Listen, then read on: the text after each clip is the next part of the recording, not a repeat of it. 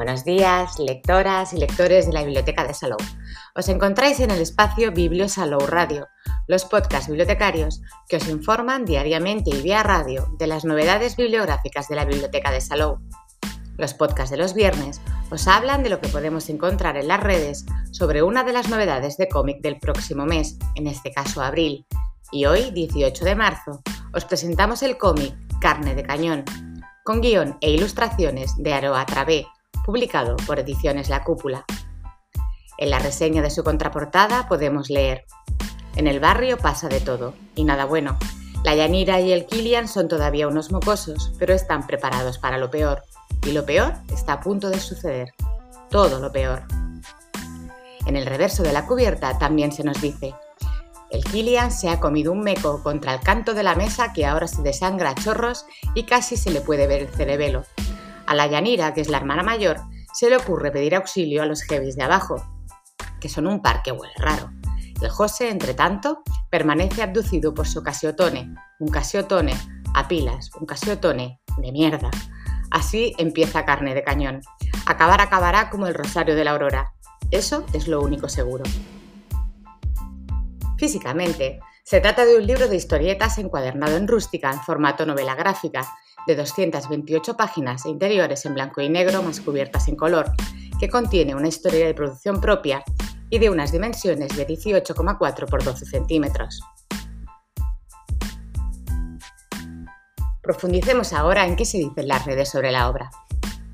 Carne de Cañón es el debut de Aroa Travé en un cómic largo, tras haber debutado dentro de la revista Voltio con varias historias cortas un cómic que bebe del underground español y que bien pudo aparecer entre las páginas del Víbora.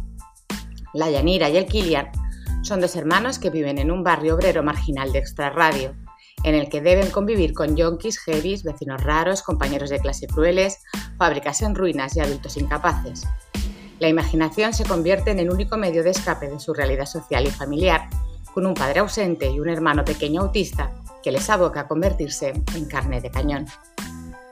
El cómic está compuesto por cuatro historias independientes. Capítulo 1, Billy cara, cortada. Capítulo 2, dividido en dos partes, Chamorro y. Capítulo 3, Meryl. Y capítulo 4, Mami. Ahora bien, estas cuatro partes están entrelazadas y son cronológicas, y las cuatro están protagonizadas por Yanira, Killian y su madre. En ellas somos testigos del día a día del barrio, Vemos los problemas a los que se tienen que enfrentar con los problemas sociales y económicos habituales de un barrio de esta radio de cualquier ciudad de España. Pero todo cubierto con la pátina de humor y fantasía que los niños usan para protegerse de la realidad.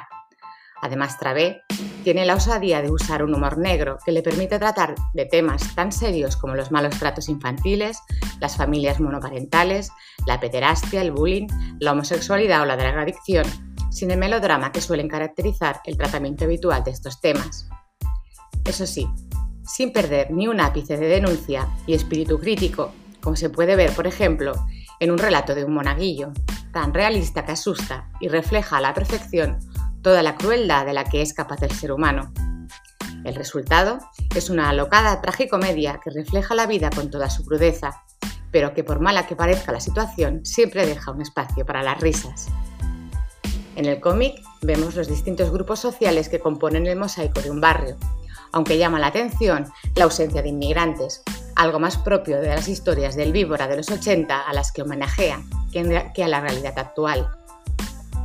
Son historias profundamente arraigadas a la realidad, pero con elementos fantásticos que recuerdan a los de los hermanos Hernández, con algunos momentos realmente disparatados.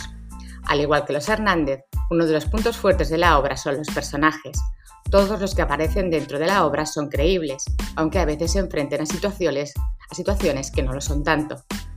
También resulta novedoso que los personajes principales de una historia eminentemente social sean niños, ya que no suelen protagonizarlas, siendo más habituales en historias de fantasía o destinadas a un público infantil.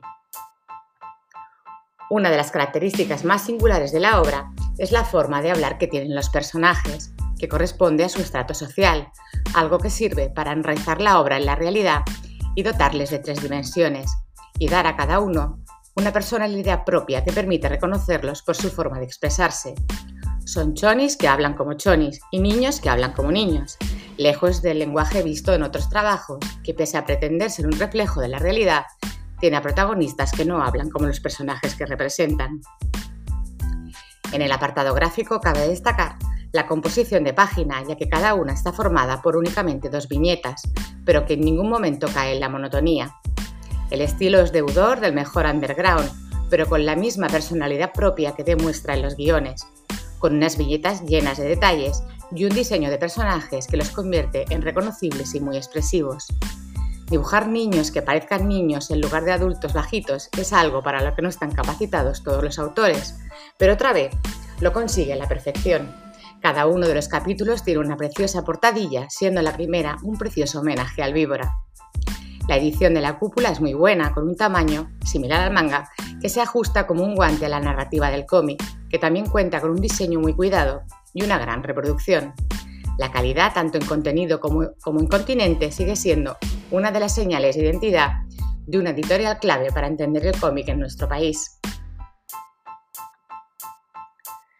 Lo que más destacaríamos de la obra es, quizá a nivel visual, que nos abre las puertas del barrio con un estilo de dibujo detallado y minucioso, heredero de la tradición más clásica del cómic underground, con personajes caracterizados hasta el más mínimo detalle y calles con todos sus elementos, no falta ni la más mínima colilla. Revisar y perderse por sus viñetas es un auténtico placer. A nivel narrativo, otra vez, ha conseguido dar en el clavo, encontrando un vocabulario, unos nombres y unas expresiones que dan a los personajes una personalidad muy real. La caracterización de los personajes es extraordinaria. Cada uno de ellos habla con una voz propia que le define al instante. En carne de cañón, Aroa Travé firma un gran debut que le augura una carrera llena de grandes obras. Es una historia que no se queda únicamente en un homenaje a los autores underground, sino que además de ofrecer una visión del microcosmos de un barrio problemático, crea unos personajes adorables a los que es imposible no querer. Esperemos que sea la primera de las muchas novelas gráficas en la que podamos leer la vida y milagros de esta familia tan especial. Hablemos de Aroa Travé. Aroa Travé es dibujante, nació en Terrassa en 1985. Se crió bajo la influencia de la revista El Víbora. Debutó en el especial La Cúpula, 35 años, y dibujando historias cortas en Voltio, para poco después empezar a colaborar en la revista El Jueves. En 2019 publicó su primer monográfico, Carne de Cañón, hoy reseñado, por el que obtuvo el premio Cómic Barcelona 2021 a Autora Revelación. La hemos buscado en las redes y no tiene página web oficial, pero sí la podéis encontrar en Instagram como arroba aroatravé. No en Facebook, aunque en la página de la cúpula hallaréis mucha de su obra. Arroba ediciones la cúpula, al igual que sucede con Twitter, donde tampoco tiene perfil, pero os recomendamos visitar el de ediciones la cúpula. Arroba la cúpula cómic.